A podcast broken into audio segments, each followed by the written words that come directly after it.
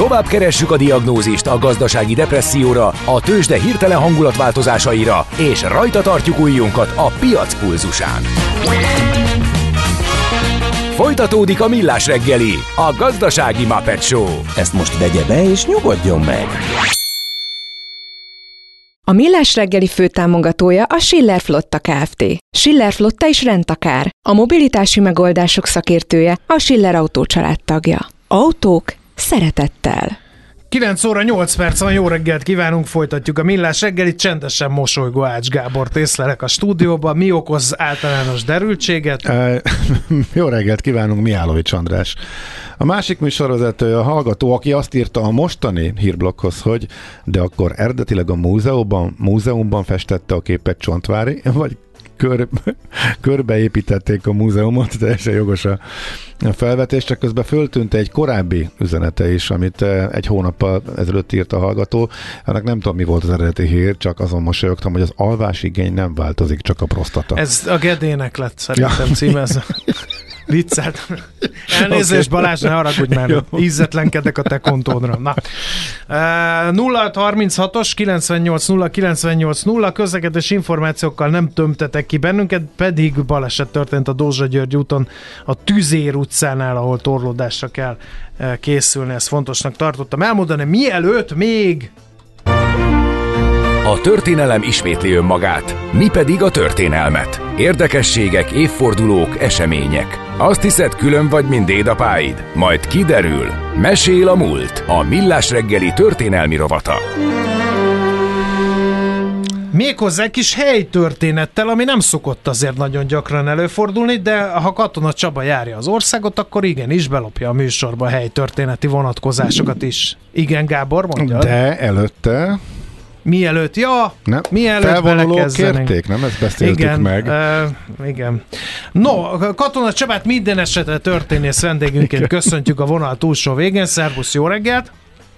Szervusztok, jó reggelt kívánok! Most akkor a hivatalos történet tudomány szerint április 4-ről szóljon az ének, felszabadítónk hősi nevéről, vagy hallgassunk mélyen? Vagy egy később kiderülten egy újabb megszállás kezdeteként, vagy, vagy, vagy akkor most minek hívjuk? Mi, mi április 4-e jelenállás szerint?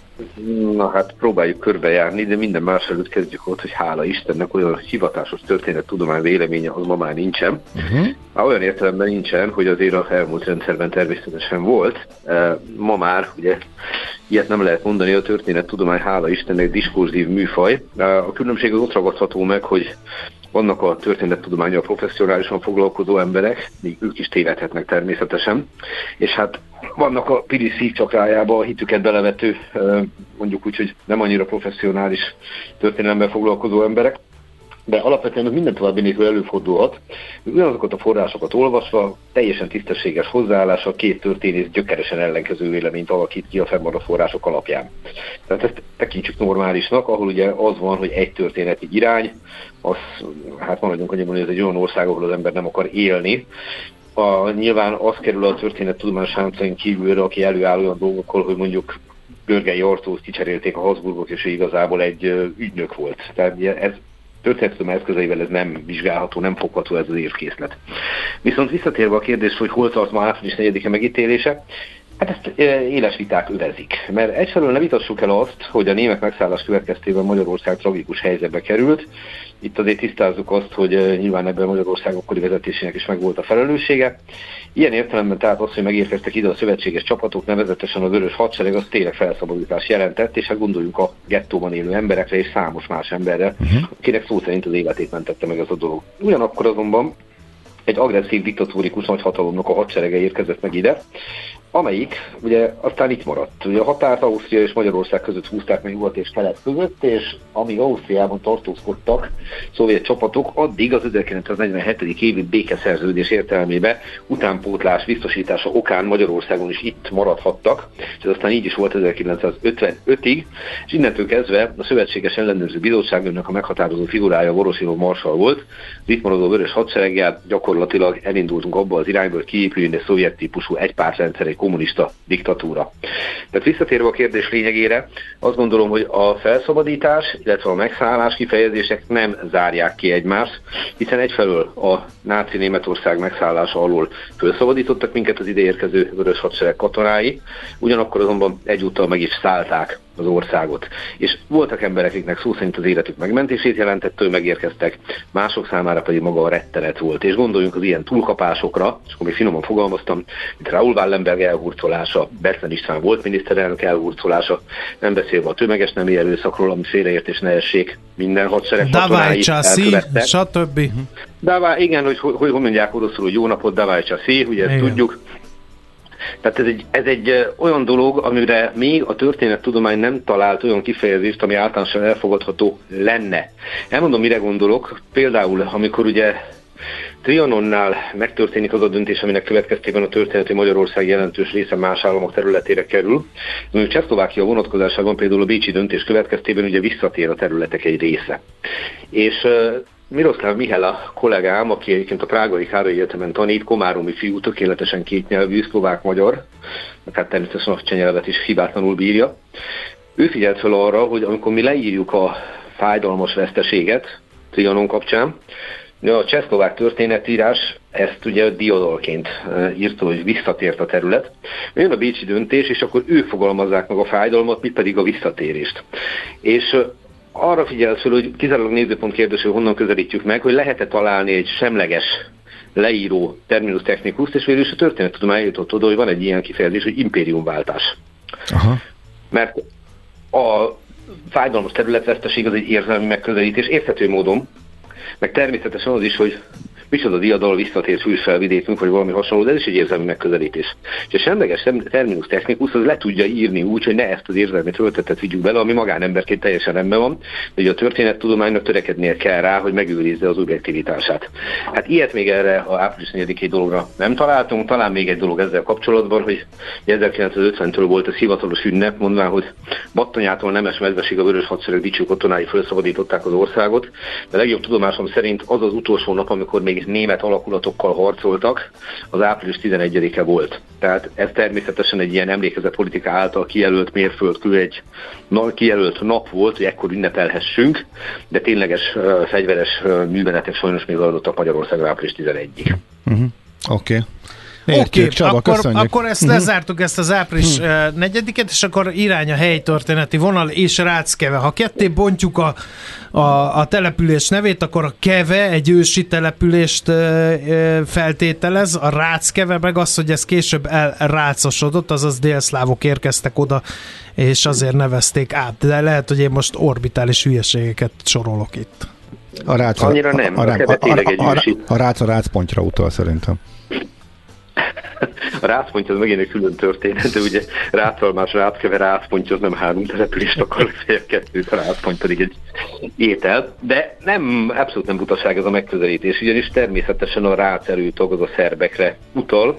A keve pedig valóban egy ősi magyar település, de az itteni települést a szervezetileg nem kevének hívták, hanem van egy másik keve, nevezetesen Kemevára, Kebevára, szerbül Kovinnak hívják, hát ez nem van a délbánsági területem, és innen húzódtak derék szerb, vagy úgy tetszik, rát emberek a 15. század derekán, az 1440-es években a oszmán birodalom megszállói elől ide föntre, északra, onnan nézve északra ugyebár, és hozták magukkal a településük nevét.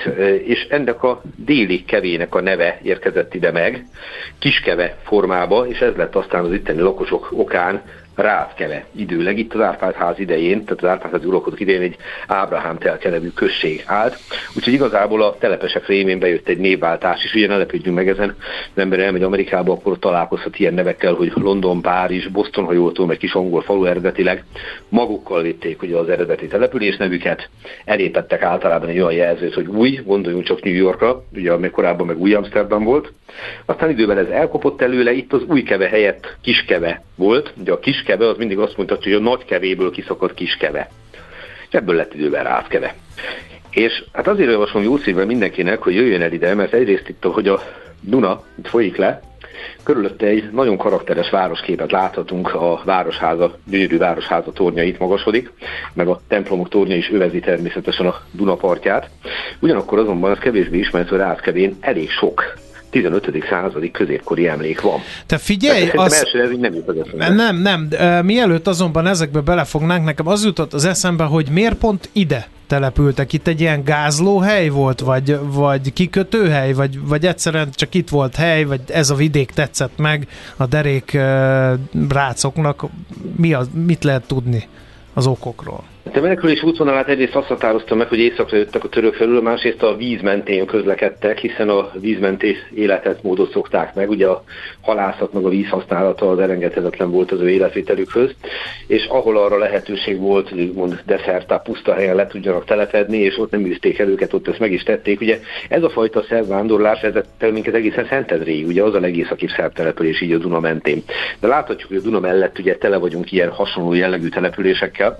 Csak egy példa erre, hogy ez mennyire igaz, hogy csak gondoljunk Bajára, hogy ha valaki ismeri a mai vajdaság területen levő ilyen városokat, mint Zentát, Zombort, főleg Szabadkát, és elmegy Bajára, ami ugye azért jóval északabbra van ezektől, akkor olyan érzése támad, hogy igazából ez is egy ottani, egy kicsit egy erős délszlábbeütéssel rendelkező település.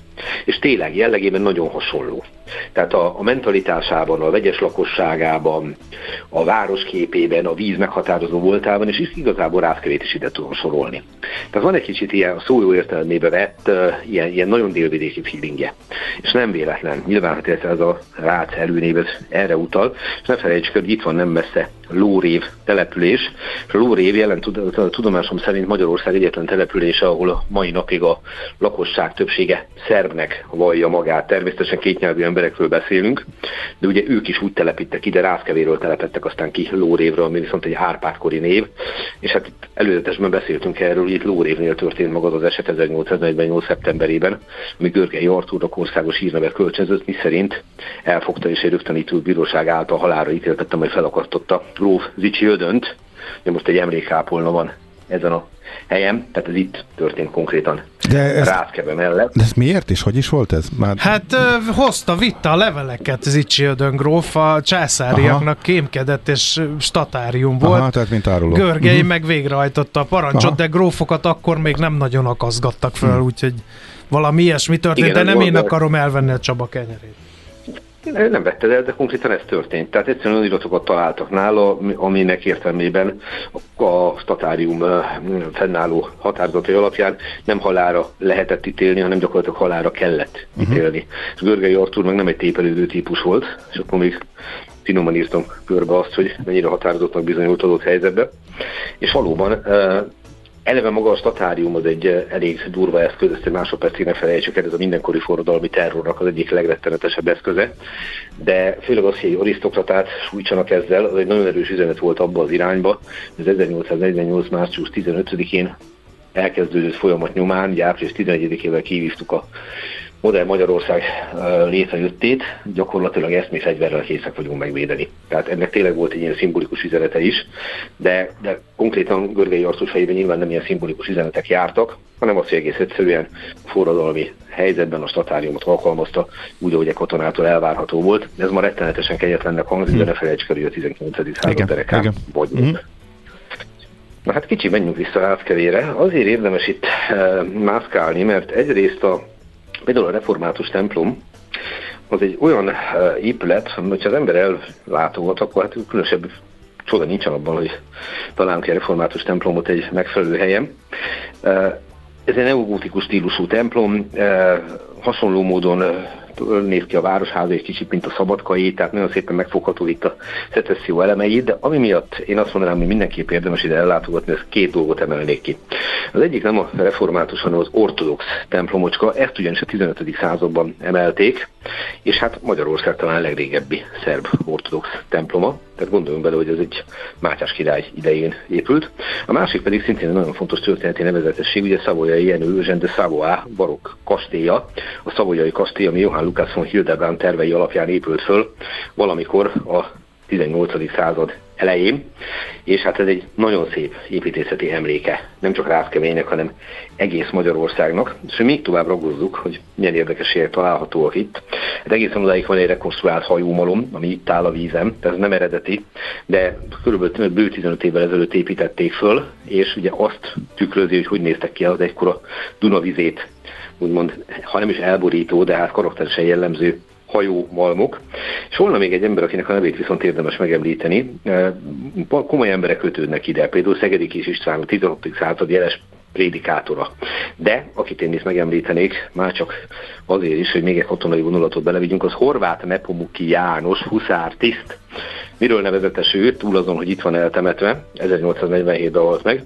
Szóval jó esélye róla formázta János Vitéz alakját Petőfi Sándor. Annyira kemény huszártiszt volt, én meg alig tudok róla Bizony. a nevén kívül valamit olvas utána bátran Horváth Nepumuki János, így uh-huh. hívják az úriembert, vagy legalábbis így hívták az úriembert. Természetesen ezeket nagyon nehéz uh, teljes egészében megragadni, már olyan értelemben, hogy kijelenteni pont ő volt, de erre azt szokták mondani az olaszok a színó véró a bentro váltó, tehát ha nem is igaz, de jellemző. Arra gondolok itt konkrétan, hogy lehet, hogy nem pont róla mintázta Petőfi, ez is lehet, hogy róla mintázta, ami viszont biztos, hogy alig ha véletlenül terjedt el róla, hogy róla mintázta. Ugye ő első Ferencnek egyébként a testőre is volt egyebek mellett, rengeteg kitüntetése volt, Krisztus rendélet kapott, és tényleg hát Rászkemének egy ilyen kiemelkedő figurája volt. Piringer János volt egyébként az eredeti neve, Miklóson született, így Rászkemétől nem messze, és aztán annak rendje és módja szerint végig harcolta a életét, és hát állítólag gyerekkorában volt egy Juliska nevű szerelme, vagy Molnárnak a gyermeke, és hogy nagy szerelem szövődött köztük, majd őt elkergették, mondani, hogy nem méltó a Molnár leányához, és így állt katonának. Tehát vannak ilyen elemek az ő életében, ami tényleg összepasszintható azzal, hogy esetleg ő lehetett volna János Vitéz mintája, vagy így volt, vagy nem így volt. Az egészen biztosnak nevezhető, hogy itt nagyon komoly kultuszom a Rátkevén, úgyhogy ha valaki ide ellátogat, akkor relatíve találkozott Csaba, János a török, törökverő Jenő herceg az, az lakott a kastélyba, vagy csak a nemzet hálából az ő haditetteiért csináltatott neki egy ilyen kastélyt, amiben viszonylag ritkán fordult elő? Hiszen a törökök, Amennyire törökök tudom, verése után... Aha, én is sejtettem, mert sok dolga volt abban az időben, és nem csak a törökökkel. Hát ugye a következő helyzet, a Szavai Jenőről szokták ugye azt mondani, Jean-François de Savoie Carignano, ez volt a teljes neve, hogy hát ő annyira szeretett minket magyarokat, hogy nem véletlen, hogy nem arcolt ellenünk a második Rákóczi Ferenc féle mozgalomba. Ezért mutatja, hogy ebben az időben nem tartózkodott itt, valóban nem harcolt ellenünk, de nem azért nem harcolt ellenünk, mert annyira szeretett minket, ő birodalomba gondolkodott természetesen, hogy a 18. század elejének annyi kiemelkedő figurája, azért nem harcolt ellenünk, mert kicsit fontosabb dolga volt, nevezetesen a spanyol örökösödési háborúban. Hát történetesen éppen a franciák ellen harcolt, dacára annak, hogy eredetileg ugye ő is az volt de ez ebben az időben nem igazán számított. És hát ez a spanyol örökösödési háború volt ebben az időben a Habsburg dinasztiának az első számú frontja. Mi természetesen fontosabbnak tekintjük második Rákóczi Ferenc mozgalmát, de a birodalom felől nézve ez egy másodlagos front volt. Itt nem az élvonalbeli csapatok harcoltak, az meg már egy másik kérdés, hogy miért van az úgy, hogy mondani szoktam kellő cinizmus, hogy ennek ellenére csak a tenkes kapitányában nyertünk csatát 8 év alatt. Igen, igen. Hát ez meg már eh, nagyon érdekes kérdés, mert hogy ezekben a szabadságharcokban, és most nem csak a magyar szabadságharcot eh, vegyük, hanem mondjuk a skótoknak a mozgalmát, amiről épp most láttam egy dokumentumfilmet, ami a Kaladani csatával ért véget. Ott is addig tartott a dicsőség, amíg meg nem érkeztek a reguláris csapatok, vagy éppen a Spartacus féle lázadásról beszéljünk, ugye eh, a római birodalom ellen, ott is hazarendelték Pompeiuszt, akkor vége volt a bulinak. Tehát, hogy, hogy hogy valaki ezt mondogatja, hogy a Rákóczi szabadságharc is azért volt viszonylag sikeres, és azért tartott olyan sokáig, mert le voltak kötve a főerők a sokkal fontosabb szintéren a spanyol örökösödési háborúban. Ez egészen konkrétan így van, tehát talán a korszak két legprofibb hadserege, ugye a francia meg a Habsburg feszült egymásnak, hát talán még a angolokat ide lehet sorolni. De azért vegyünk ki ebből valami pozitívumot is, kicsit akkor eltávolodva Ráckevétől, hogy ne felejtsük el, hogy Bercsényi László fiatal katonaként elég komoly tapasztalatokat szerzett arra nézést, hogy a hújogató és a lókon villámgyorsan vágtató, ám de roppant fegyelmezetlen kurucok mennyire hogy, hogy mondjuk úgy, hogy mennyire kontraproduktív módon tudtak föllépni a valóban reguláris és fegyelmezett túloldalon harcoló csapatok ellen, és valahogy a kettő ötvözete révén aztán ugye ő megalkotta azt a francia huszárságot, amelyik kellő fegyelmezettséggel tudott harcolni, de magával hozta ezt a hagyományos magyar harcmodort, és hát nem véletlenül Bercsényi László Franciaország marsaljává emelkedett, ugye büszkék lehetünk rá, és egyszer beszéltünk is erről ebben a műsorban, hogy a mai napig megvan a Bercsényi huszárezred, de immár ejtőernyős deszantosok, egy kis vitézkötés van, ha jól emlékszem, talán a sapkájukon, ami visszautal erre, és van nekik két indulójuk is. Az egyik az magyar nyelvű, amit hát úgy énekelnek ma már, hogy alig-alig lehet belőle valamit érteni. Ők nem értik a szöveget, és erős francia kiejtéssel szokták eldalolni. A másik pedig az a Vársár Jánká nevezetű kommunista induló egy korai verziója, úgyhogy nagyon viccesen hangzik, amikor a francia Bercsényi huszárok kommunista indulót énekelnek látszólag. Igen. Na érdekes okay. volt, köszönjük szépen eh, Csaba megint csak, hogy, eh, hogy ilyen remek eh, beszámolót tartott el egyrészt április 4-éről, Jó, eklektikus volt, és kalandoztunk minden Minden benne volt. Ez egy ilyen volt. gyümölcsös táv volt így reggelire, vagy svéd asztalt lehet belőle szemezgetni, ki mit szeret. Köszönjük szépen még egyszer. Ráckevér színes város, köszönöm Igen. a figyelmet, sziasztok! Köszönjük! Szerbusz!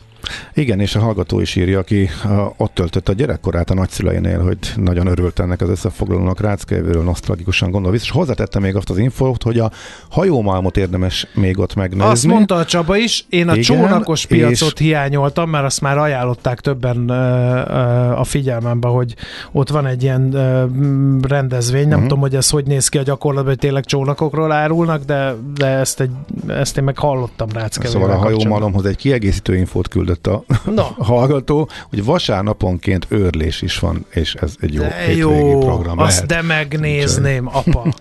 Na jó, majd akkor elmegyünk oda.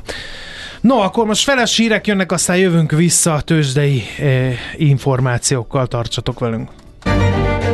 Mesél a múlt. Történelmi érdekességek, sorsok, életutak a millás reggeliben. Café Józsefvárosban, az FM 98-as frekvencián. Tőzsdei és pénzügyi hírek első kézből a Rádiókafén, az Equilor befektetési ZRT-től. Equilor, 1990 óta a befektetések szakértője. Rögtön nyitjuk a tőzsdét, de természetesen megköszönjük a sok-sok üzenetet, amiben fölhívtátok a figyelmünket arra, hogy Hát a legjobb az az, hogy... maradt a mikrofon, mert a hangmérnök, aki én vagyok, nem végzi jól a dolgát. Köszönöm. Ha mehetne halkabban a hírek, mert nem hallani, amit beszéltek, ezen mulattunk a legnagyobb. Óriási de... szerencsénk van, hogy nem az egyel előbbi beszélgetés maradt benn, mert az szalonképtelen lett volna. Most csak azt vitattuk meg, hogy vajon hogy férünk, hogy férünk be a műsorba. Így aztán most, hogy ez de... megesett ez a malőr sehogy. Na, nézzük, hogyan nyit a tőzsde ma reggel, ebben pedig segítségünkre lesz Deág Dávid üzletkötő, szerbusz, jó reggelt! Sziasztok, jó reggelt, üdvözlöm a hallgatókat! Milyen a hangulat Budapesten? Nagyon pozitív a hangulat. Budapesten, 1,4%-os pluszban a Bux Index, 43.578 ponton áll a hazai tőzsde ebbe a pillanatban. Forgalom sem kiemelkedően magas, de nem is túlságosan alacsony, azért 827 millió forint mi részvény cserélt gazdát egyébként a hazai parketten, és hát a négy nagy blue chipön közül háromnál kifejezetten jó a hangulat, hiszen bőven 1% fölötti pluszban mind az OTP, mind a MOL részvénye. Hazai bankpapírunk 10.240 forinton nyit, ez 1,2%-os emelkedésnek felel meg. A MOL tovább tartja az európai jó hangulatot itt az olajszektorban, 1,4%-os pluszban 2646 forinton áll, és a Richter is végre ki tudott törni 7680 forinton áll 2,4%-os pluszban, itt valószínűleg egyébként támogatja az emelkedést az, hogy bejelentettek egy nagyobb részvény visszavásárlási programot is. Magyar Telekom egyébként viszonylag eseménytelenül 403,5 forinton áll, ez 0,1%-os mínusz és hát nem is különösebben nagy a forgalom benne. Ez a részvény visszavásárlás, ez összefüggésben van a árfolyam eséssel, hogy erre reagálhatott a társaság, mert azért valamiért a Richter eléggé gyengén muzsikált az elmúlt időszakban. Hát igazából a közleménybe erre nem tértek ki, gyakorlatilag ugye annyit, annyit adott, adtak ki egy közleménybe, hogy ugye lesz egy 12 hónapra szóló maximálisan 40 milliárd forint uh-huh. összegű részvény visszavásárlási program. Nyilván azt azért a gyakorlatból eddig tudjuk, hogy a vállalatok azért jellemzően közel sem használják ki ezt a keretet, azonban azért ez a részvényeseknek mindenképpen jó hír, hiszen ugye az osztalék mellett próbálnak így részvényesi értéket teremteni, ami egyébként 390 forinton lesz részvényenként, de hogy ebből ténylegesen mennyit használnak ki, vagy milyen dinamikája lesz, azt nyilván előzetesen nem tudjuk pontosan az okát sem. Igazából én úgy értelmezem a közleményt, hogy, hogy gyakorlatilag itt az osztalékot, fizethettek volna több osztalékot, mint 390 forint, de nem így döntöttek, hanem a mhm. részvény visszavásárlásra fogják a keret egy másik részét. Oké, okay, devizapiac? Hogy áll a forint? a piacon egyébként a, a forintunk tovább tud erősödni, no, vagy igazából legalábbis azt mondanám, hogy megtartja az erejét a főbb devizákkal szembe, amit egyébként a dollár gyengülése is támogat a, a régiós jó hangulatban. Egy euróért jelen pillanatban 377 forint 75 fillért, egy dollárért pedig 346 forint 30 fillért kell fizetni a bankközi devizapiacon.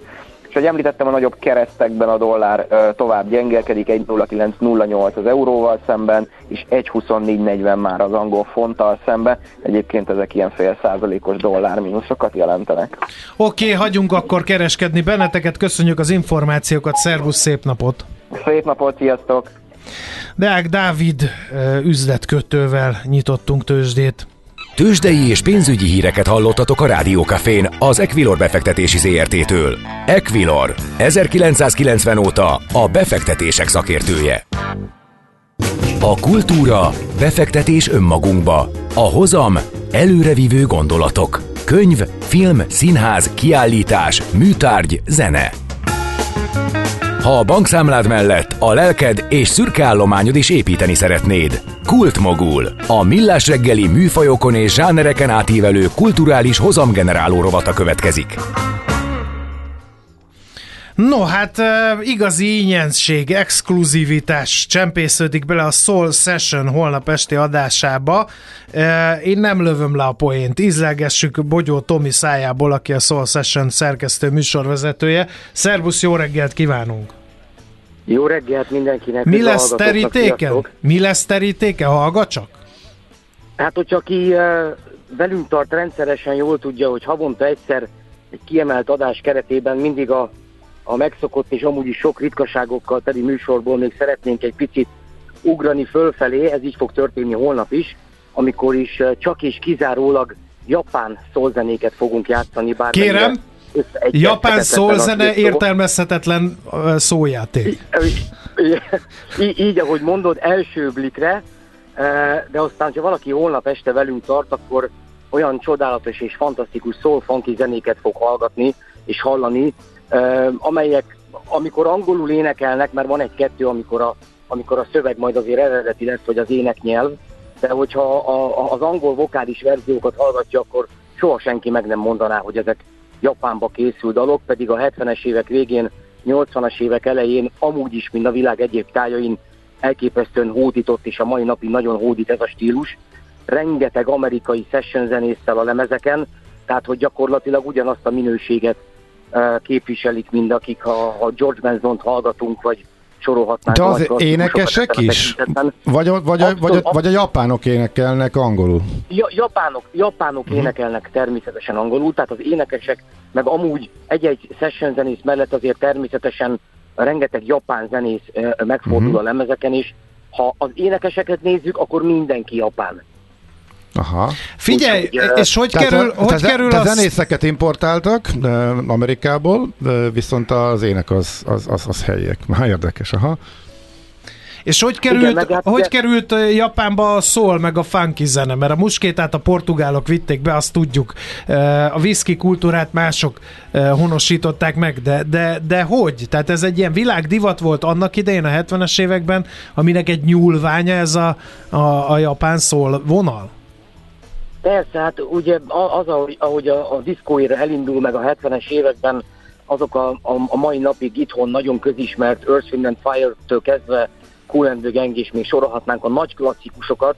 Ugye az a zenei világ, az az életérzés, az mindenkit megérintett, és természetesen a zenészek tekintetében mindenki próbálta a maga módján lekopizni, ki úgy, ki amúgy. Hát a japánoknak nagyon jó sikerült. Ezt mondjam. akartam kérdezni, hogy, hogy milyen színvonalon csináltak, mert ugye a japánok elkezdtek viszkit főzni, és ez most már egy külön kategória termékkörön belül, már hogy nem az elit. A szólban hogy sikerült ez az átvétel a, a nyugati e, kulturális elemeknek?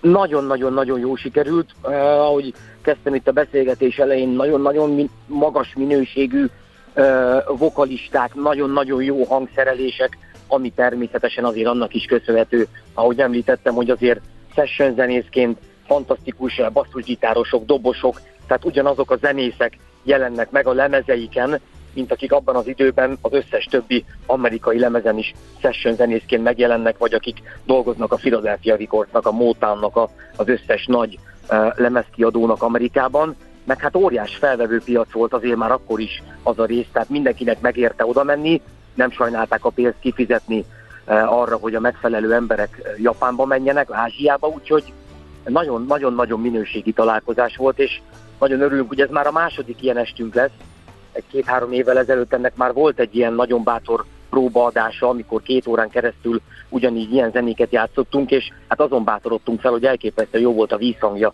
annak a műsornak is, úgyhogy no. rengeteg e-mailt üzenetet kaptunk, hogy legyen folytatás. Na most honnan szerváljátok ezeket a zenéket? Hát ugyanúgy, ahogy a, a, a, az egyéb szól és funky lemezeket gyűjtöm, gyűjtőkörökben, az eBay-n, meg azokon a megfelelő fórumokon, ahol a gyűjtők összejönnek, vagy ahol a, a, a lemezeket árulják. Uh-huh. Arról nem beszélve, hogy gyűjtőberkekben Japánból lemezt vásárolni, bár nem olcsó, de nagyon-nagyon közkedvel dolog, mert elképesztően vigyáznak mindenre, tehát olyan minőségben maradtak meg a 80-as évekből is a bakelit lemezek, a toknak a minősége, ahogy le van celofánozva, tehát minden közül megismerhető, hogyha valami Japánból jön. Hm. Hát, hát Tomikám, lenyűgöző. Úgyhogy Na, akkor le a kalappal, és sok sikert az adáshoz. Paramétereket tehát akkor pontosan mikor, kikkel, ahogy ilyenkor kell. Szerda, szerda este 8-tól 10-ig élőben, holnap este Temesi Berti, Zolbert és jó magam, a klasszikus nagy hármas, meg hát két órán keresztül 78 és 82 közötti őrületes japán szózenét. Hm, szuper. Legyen így. Köszönjük szépen, sok okay. sikert az adáshoz. Szia! Én köszönöm, hogy hívtatok. Sziasztok, minden jót, ciao, ciao. No, Bogyó Tamással beszélgettünk méghozzá annak kapcsán, hogy lesz japán funk és soul zene itt a Rádió Café 98.0-án. Érdemes meghallgatni, eh, mert ma múlhatatlan kulturális élmény lesz, lefogadjuk. A Millás reggeli műfajokon és zsánereken átívelő kulturális hozamgeneráló rovat hangzott el. Fektes be magadba, kulturálódj! No, hát a műsoridőnk az lepergett eh, vala. Hol van Marian? Várjál. Uh, én kinyitom, rákerestem, kinyitom hogy mi lesz, úgyhogy szívesen elmondom neked. Én meg kinézek az ajtón. Nézzél ki, addig én eh, azt mondom, hogy köszönöm szépen csak leres, leres a figyelmet, a hogy először. itt voltatok. Még mindig semmi, még mindig. E, erre bejött egy Schmidt Andi, ő ezzel már bejebb vagyunk, tehát hírek azért lesznek majd a Tudsz valamit után. a majáról? Igen. Nem igen. Igen, Mikrofon. Hogyha, igen, igen. Jön be, már lehet, hogy mindjárt be is toppan, kicsit elakadt a dugóban. Ja, értem. De, jó, hát akkor jó, hát én elmondom. De mondta, hogy kik lesznek a vendégei. Ja, akkor az, bocsánat, akkor. Én tudom. Ja, hát akkor... Mondjam el én. Mondd, jó. akkor mondd el. 10-től 12-ig ugye pont jókor, Fehér Mariannal itt a Rádió Cafén, és a nap embere Balázsi Panna, akinek a hangját évtizedek óta ismereti a magyar közönség, szerintem őt nem kell bemutatni, gyerekként is szinkronizált, később Ker Rádió kiindulásánál volt ő jelen, a hosszú évekig szórakoztatta a hallgatókat az elmúlt évtizedben ifjúsági könyvsorozatával, vétette észre magát, és művészet pártolóként színházat és előadásokat népszerűsít, de van saját videópodcastja is, etc. etc. nem lőném le az összes témát Marian elől. Aztán jön Kriston Andrea, szerintem őt sem kell bemutatni, a neve eléggé ismert, a Kriston Intim Torna és a Kriston Módszer megálmodója, az életünk dolgaiban fog majd arról mesélni, hogy 37 évvel ezelőtt hogy jött erre rá, hogy a testünk intim izomzatainak megőrzésével foglalkoznunk kell, úgyhogy ez lesz utánunk. Én pedig megköszönöm akkor a figyelmeteket, GDP termelésben sikeres, boldog, szép napot kívánunk Ács kollégával, mert leperg a műsor idő. Holnap 6.30-kor ismét Millás reggel itt a Rádió Café 98.0-án. Igen, Gabikám. Nagyon néz. Van még. Tehát, nem tudom, Én, én ma, ma, az ma egész nap rohan. Igen, igen. Tehát még van két perc. akarom és bizonyítani, hogy megyesz. valahova? Nem, Jön a nem, metró, nem, vagy, vagy hova? Nem, be akarom bizonyítani, hogy meze, megyesz feszesen is, apa. Ja, értem. Oké, okay. Nem Nem emlékeztem kell. ilyenre, Sok hogy... beszédnek, sok az alja, szavazatok. Steigelvarbra, ez volt egy... volt egy diáknapoki uh, Na szlogen. jó, akkor visszatértünk. Hát, igen, a- igen. De mi volt a dia- igen, diáknapon? Hát ez volt. Megjött a Fehér Marian, de minek? Mikor én már mindent elmondtam. De Úgy se figyelj, jut szóhoz, úgy... Sose voltam, még, sose voltam még Fehér Marian magyar. elmondta a Maci, de ha egy fél percben ki tudod Balázsi egészíteni. Panna, Kristol Andrea. Kisírtunk neked még egy fél percet, mert éppen el akart húzni. Igen, és meg akar, hideg van, ki, meg akar nagyon gyilkolni siet. az ács, azért akarja, hogy beszéljen. Mert nem kapsz levegőt, de ő meg itt a követelő egy adásban. Igen, de itt vagyok, igen, mind- mindjárt, pont jó. Hol vagyunk? Hány óra? Kezdeni, Igen, az idő, mindent igen. tudunk, ma köszönjük Jó, de szépen. akkor ezek szerint ti megtanultátok, hogy ne csúszunk 8 percet, ugye? Ah, ugye? Ah, sose. Tessék, végre egy támogatom, mert a saját műsorvezető társam gunyorodik rajta. A hírolvasó aktív támogatásával. hallottam, már kaptad reggel fél nyolckor is. Én akkor is veled voltam. Micsoda? Végre Fél valaki. nyolckor? Egy Igen. szavam nem volt, rossz szavam nem Majd, volt hozzá. majd visszaidézem. Igen, nagy barátok vagyunk, főleg mióta hozott rostban gazdag ételkiegészítőket mindig nekem. megvéd téged egyébként. Helyesen. Tehát ez Én igen, helyesen. Én tényleg mindig megvédem. Hát egy gladiátor, egy Igen. spártai. Most már én is azt látom, hogy lejár a műsoridőnk, akkor is, ha András nem siet sehova, úgyhogy Szép befejezzük. napot! Szevasztok! Sziasztok!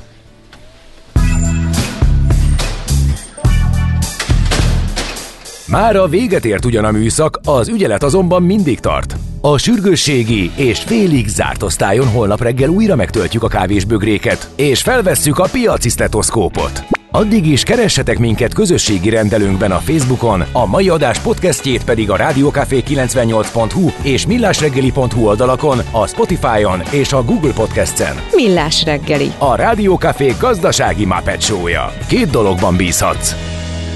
Az egyik mi vagyunk. A Millás reggeli főtámogatója a Schiller Flotta Kft. Schiller Flotta is rendtakár. A mobilitási megoldások szakértője a Schiller Autó tagja. Autók szeretettel.